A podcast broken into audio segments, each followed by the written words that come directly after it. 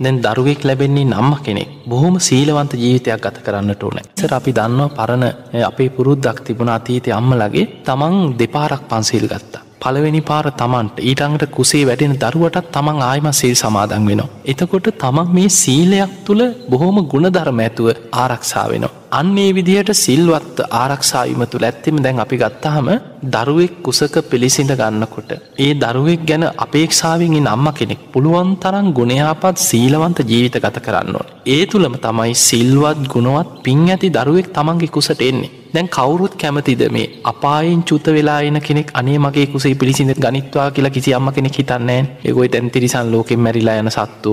ප්‍රේත ලෝක ඉඳලා චුත වෙන අය නිරෙන් චුත වෙන අය ඔය කවුරුත් අනේ මගේ කුසට එත්වා කියලා කවුරුත් බලාපොරොත්තු වෙන්න හැමෝම කැමති පින් ඇති දරුවේ දැන් දෙවිවරු ගැන ධර්මය සඳහන් වෙනවා දෙවියන් දිවියලෝකෙන් චුතවෙන්න ආසන්න වෙනකොට ඒ දෙවිවරුන්ග වට කරගන්නවා අනිත් දෙවි දේවතාවරු. වට කරගෙනේ දෙවියන්ට කෙනවා ඉතෝ බොහෝ සුගතින් ගච්ච පින්වත ඔබ දැන් සුගතිය හිත පිහිටවන්. සුගතින් ගන්තවා සුලද්ද ලාබන් ලබ ඔබ සුගතියට ගිහිලා උතුන් ලාබේ ලබාගන්න. සුලද්ද ලාබන් ලබිත්වා සුපතිට්ටිතෝ බවාතීති. උතුන් ලාබේ ලබාගෙන ඒක තුළ ස්ථාවර වෙලා පින් කරගෙන ආයමත් අපි අතරට එන්න කියලා දෙවියන් කියන. එතකොට බුදුරජාණන් වහන්සේ මේ කාරණය දැකලා දේශනා කරන මහනෙන දිවියලෝකයේ දෙවියන්න එක් එකට වාසය කරලා දිවියලෝකෙන් චුතවෙන් ආසන්න වෙනකොට අනෙක් දෙවිවරු සුගතියට යන්න කියලා කියන්නේ මනුස්ස ලෝකට යන්න. මොක දැන් දිවියලෝක ඉන්න ඉන්න කියලා වැඩක්නෑ යා දිවියලෝක ඉඳලා පින ගෙවල ඉවරයි. දැන් ඊළඟට උපදින්න තියෙන්නේ එතනින් පල්ලෙහා මනුස්ස ලෝක. ඒනි සවබස් මනුස්ස ලෝකට යන්න. ගිහිල්ලා උතුන් ලාබේ ලබන්න කියනවා. ඒ තුළ ස්ථාවර වෙන්න. උතුන් ලාබේ කියලා කියන්නේ තිසරණය පිහිටන් ඒ තුළ ස්ථාවර වෙන්න කියනවා. ඒකැන ධර්මය දියුණු කරගෙන ධර්මාවබෝධය කරා යන්න මනුස්ස ලෝකෙදී.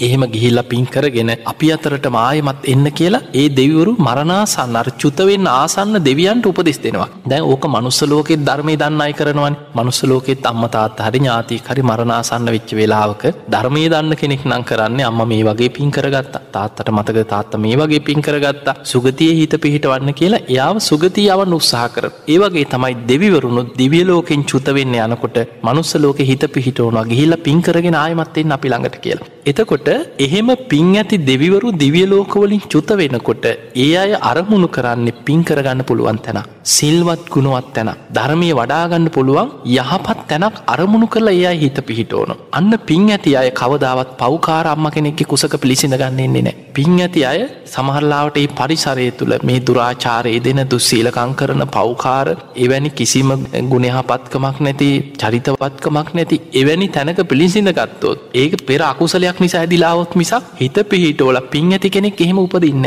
ඒ නිසා අපිට පේනවා ඕනම කෙනෙක් කැමති අම්ම කෙනෙක් කැමති පින් ඇති බෝධි සත්ව දරුවෙක් බෝසත් දරුවෙක් මගේ කුසේ පිළිසිඳ ගන්න කියෙන ප්‍රාර්ථනාව තියෙනවා. හැබැයි ඒක ප්‍රාර්ථනාවක් විතරක් තිබිල වැඩක් නෑ ඊට අවශ්‍ය වෙන විදිහ පරිසරයක් ඊට අවශ්‍ය වෙන විදිහ වත් පිළිවෙත් ඊට අවශ්‍ය වෙන විදිහ ජීවන රටාවක් තමන් තුළ තියෙන්න්නට ඕන. ඒ තුළ වැදගත්ම වෙන දේ තමයි සීලවන්ත ජීවිතයක් ගත කරන්න. විවාහ වෙච්ච කෙනෙක් තමන්ගේ ජීවිතය තුළ ඒ ප්‍රතිවතාව ආරක්ෂා කර ගනිමින් තමන්ගේ ස්වාමියන්ට ඒ අයට බොහොම කරුණා මෛත්‍රියෙන් ඒ සලකන කටයුතු ඒවා සිදු කරමින් ඊළඟට තමන් ප්‍රාණගාතාදී අකුසල් වලින් වලකින්නට ඕන. දරුවෙක්කුසට ආවට පස්සේ දරුවෙක්කුසේ වැඩෙනකොට දරුවෙක් බලාපොරොත්තු වෙනවන ඒ ප්‍රාණගාතාදී අකුසල් බොහෝ වෙලාවට ඒවා සසර තමන්ට කර්ම විපාක හැටියට බලවත් වෙලා ඒ දරුවන් විනාස වෙන්න එක ගක්ෂා වෙලායන් ඒවට ගොඩක් තුරට බලපානවා ප්‍රාණගාතාදී අකුසල් වල විපාක. ඒ නිසා සතුන් ගැන මෛත්‍රිය කරුණාව හැම සත්‍යයක් ගැනව තමන් සත්‍යයෙක්ව තමයි මේ මනුස්ස දරුවෙක් හැටියට මනුස්සලෝකෙට බිහි කරන්න බලාපොරොත්තුවෙන්. ඒ නිසා සත්වයන් ගැන කරුණා මෛත්‍රයක් හිතේ ඇති කරගන්න.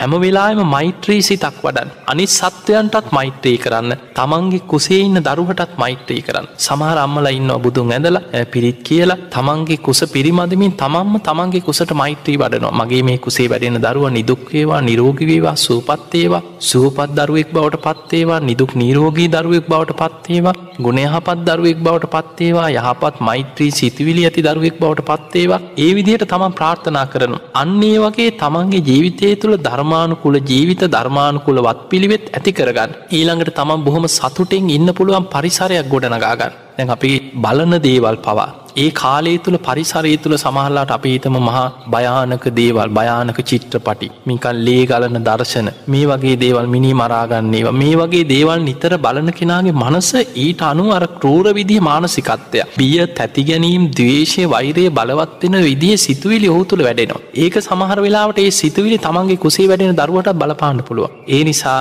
සතුටින් ඉන්න කාරණි හැම වෙලාම බොහම ධර්මානුකූලව ධර්මය සීකරන කටයුතු තුනුරුවන් වන්දනා කරනවා. නිතර බණහනුව ධර්මානුකුළු ජීවත්වෙනවා බුදුන් වදිනවා ඒත් ආගමික දැහැමි වත් පිළිවෙත් තුළ තමයි හොඳ ගුණහාපත් කරුණාවන්ත මෛත්‍රී සම්පන්න පින් ඇති බෝසත් දරුවෙක් තමන්ට බිහි කරගන්න තමන්ට ඇති කරගන්න එවැනි පින් ඇති කෙනෙක් කුසේ පිළිසිඳවා ගන්න පුළුවන්කම ලැබෙන් ති ඒ නිසා ඔය ගියක් හදන එක හොඳද?